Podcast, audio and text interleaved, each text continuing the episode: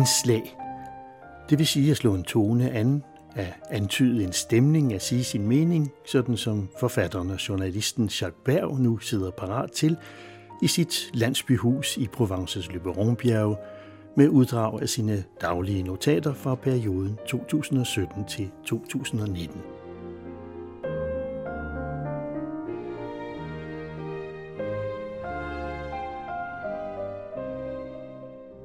Den franske præsident har haft en lidt forkludret begyndelse på det nye politiske år. Visse spørger nu sig selv, om han efter sin indledende strækmarsch fremad ikke er ved at slå bremsen i. Om det der ikke ligefrem er bakgearet. Hvis det sidste er tilfældet, bør man være bekymret. Når man bevæger sig baglæns, har man ikke nær så godt et udsyn, som når man bevæger sig fremad. Og man får hold i nakken.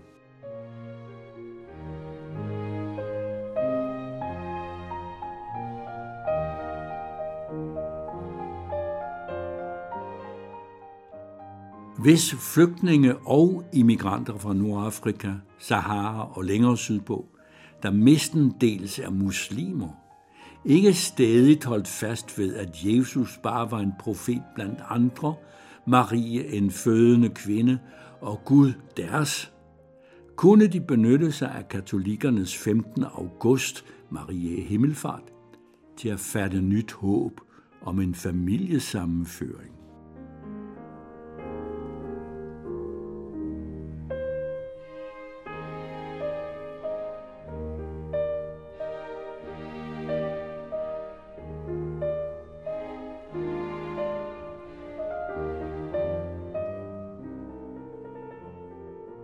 Mafia.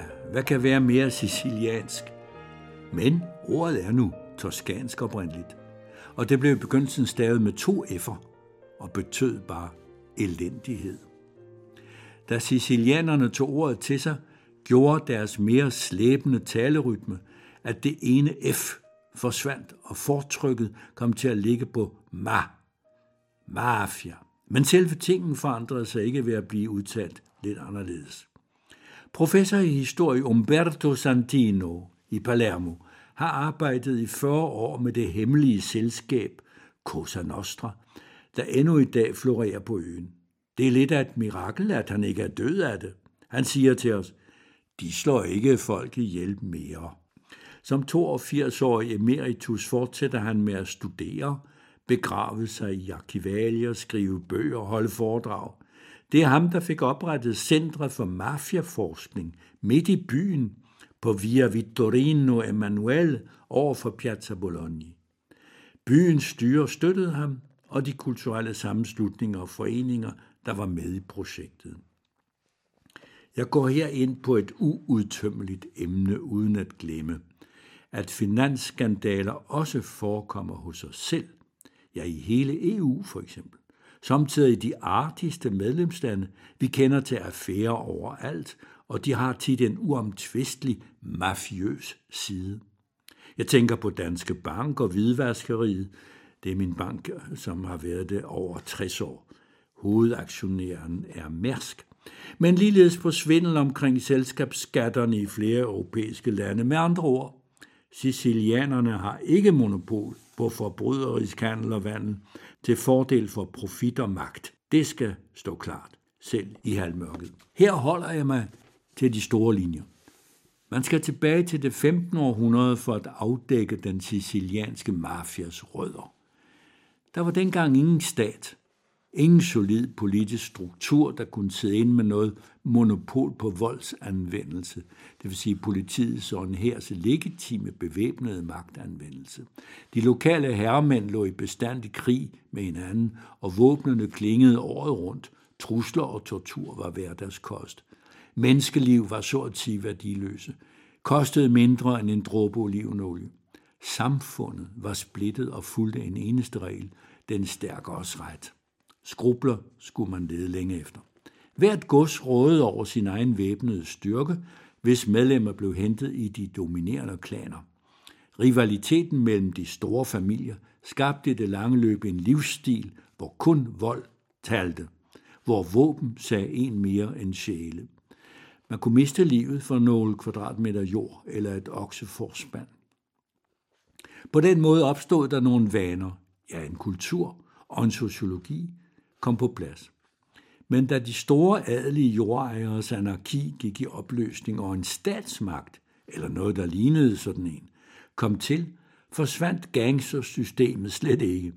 Det overlevede som mafia, den parallelle usynlige magt. Nu havde man på den ene side loven, på den anden side den organiserede forbrydelse. Hele samfundet er til en vis grad mafiøst.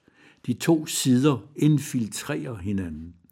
Da den spanske inkvisition kommer til Sicilien med det iberiske Bourbon i det 1800, bliver hele det katolske maskineri, hvis formål var at fremme og beskytte den sande tro, uværligt mafiøst. Netop på den tid knyttes uløselige bånd mellem den sicilianske mafia og kirken.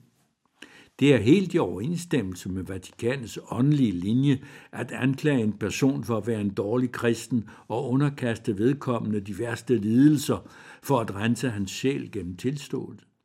Men hvis man ved samme lejlighed kan konfiskere den vantros ejendom og knække hans familie, hvorfor så ikke?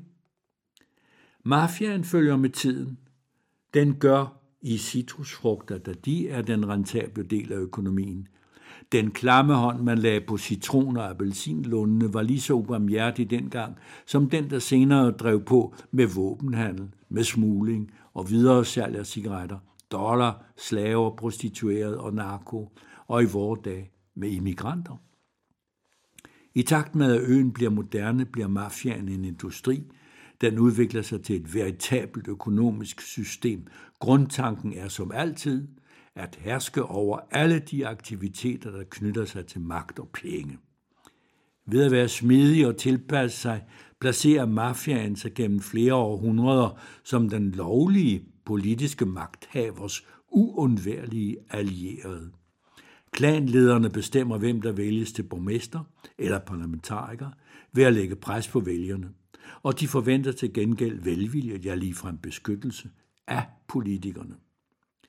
Det er en form for give and take på siciliansk, der har stået sin prøve i umindelige tider og lige til i dag. Således er Cosa Nostra virkelig vores sag, nemlig hele befolkningens.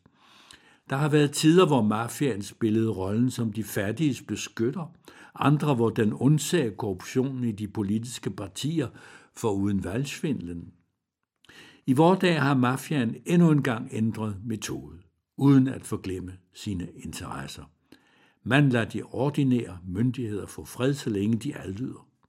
I tilfælde af problemer får man dem fjernet og erstattet med andre. Man er lige ved at kunne tale om en slags normalisering af et samfundsbegreb, som Sicilien ikke kommer af med lige straks. Og med professor Santinos afskedsbemærkning. De elsker omtale.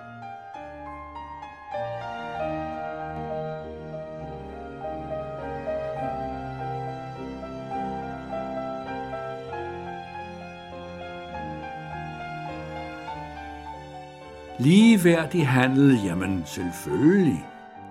Man skal ikke tøve med at forbruge disse produkter, og der er meget andet end kaffe, verdens næststørste eksportvare efter olien. For på den måde at hjælpe de fattige landes befolkninger med at få en rimelig indtægt. Men ligeværdig handel sigter ikke alene mod at skabe en bedre og mere retfærdig økonomisk udvikling. Den skal samtidig støtte oplæringen til samfundsborgere. Det vil sige gøre folk oplyste og ansvarlige, så de i det lange løb kan få demokratiske forhold oven i hatten. På vores kanter lå der i det 19. århundrede en folkelig vækkelse bag de første andelsmejerier og højskoler, hvor landboungdommen kunne indhente den viden, den ikke nåede at få i underskolen. Den samme vækkelse eller bevægelse førte som bekendt omkring 1900 i Danmark til et slags demokrati med et repræsentativt parlament. Dog fik kvinder først valgret i 1915. Mit forslag her og nu går ud på, at man ikke nøjes med at drikke ligeværdig kaffe fra Guatemala eller Etiopien, Men sender disse landes befolkninger nogle bøger eller hele biblioteker med litteratur om de skandinaviske kooperative og folkeoplysende bevægelser og deres historie, naturligvis oversat til de lokale sprog. Litteraturen skal ledsages af rigelige legater til unge, der så kan tage turen til Norden og studere forbindelsen mellem en fornuftig folkelig opdragelse og et fungerende demokrati.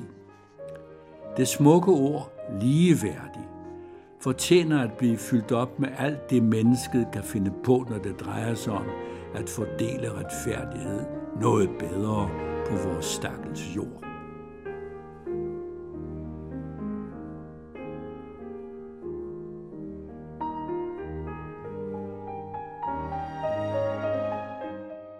Korthed er sjælens ånd, sagde Shakespeare. Intet at tilføje.